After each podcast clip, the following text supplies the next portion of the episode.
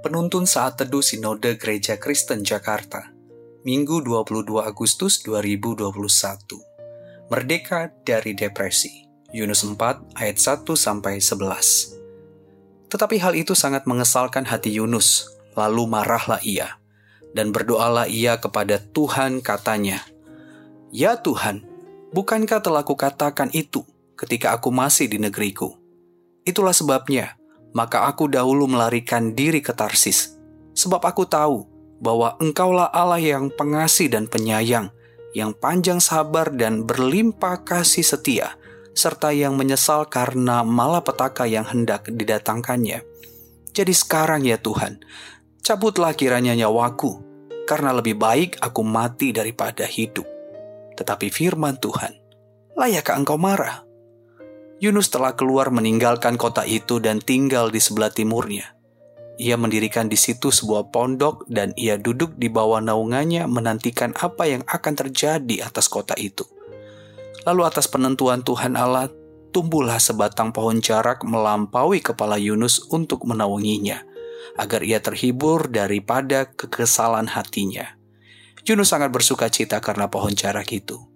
Tetapi keesokan harinya ketika Fajar menyingsing atas penentuan Allah datanglah seekor ulat yang menggerek pohon jarak itu sehingga layu.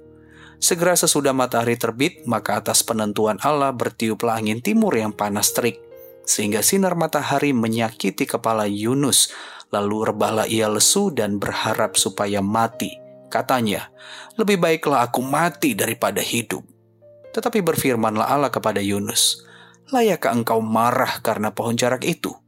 Jawabnya, selayaknya lah aku marah sampai mati. Lalu Allah berfirman, engkau sayang kepada pohon jarak itu, yang untuknya sedikit pun engkau tidak berjeripaya dan yang tidak engkau tumbuhkan, yang tumbuh dalam satu malam dan binasa dalam satu malam pula.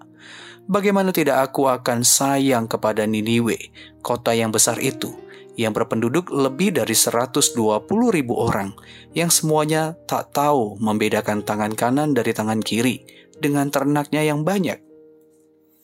Saudara, James Bryan Smith dalam bukunya yang berjudul The Good and Beautiful God memberikan penjelasan mengenai inti perumpamaan anak yang hilang dari Lukas 15 ayat 11 sampai 32.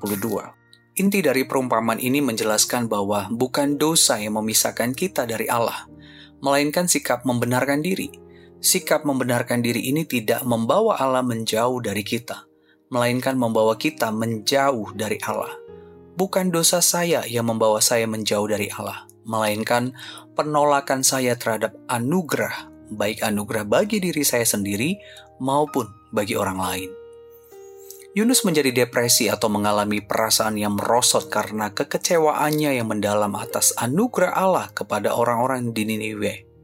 Meski sebelumnya dia pergi ke Niniwe untuk memberitakan firman Allah mengenai hukumannya atas kota tersebut.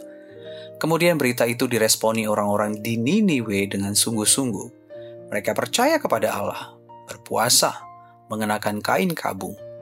Bahkan Raja Niniwe pun turun dari singgasananya menanggalkan jubahnya, mengenakan kain kabung, bahkan dia duduk di abu.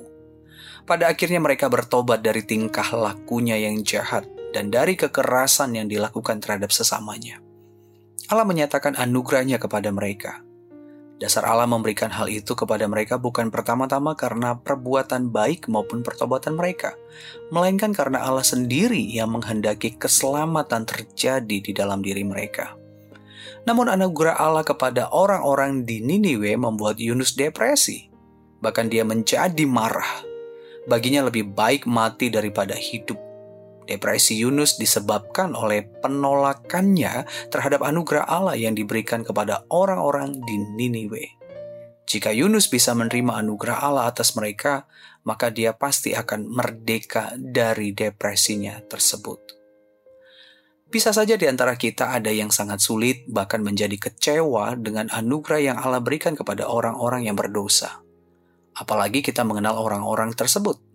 Kita bagaikan anak yang sulung dalam perumpamaan anak yang hilang, yang sangat marah, kecewa dengan Allah karena memberikan anugerah pengampunannya kepada orang-orang tersebut. Itu bisa saja membuat kita menjadi depresi. kita menjadi tidak memiliki hasrat yang kuat lagi untuk hidup bagi Allah. Apalagi hidup untuk melihat orang-orang berdosa itu mengalami perubahan.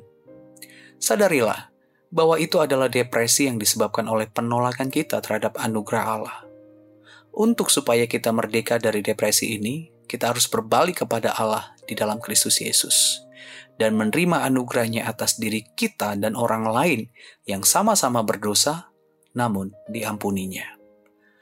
Menerima anugerah Allah dengan kerendahan hati akan memerdekakan dari sikap membenarkan diri.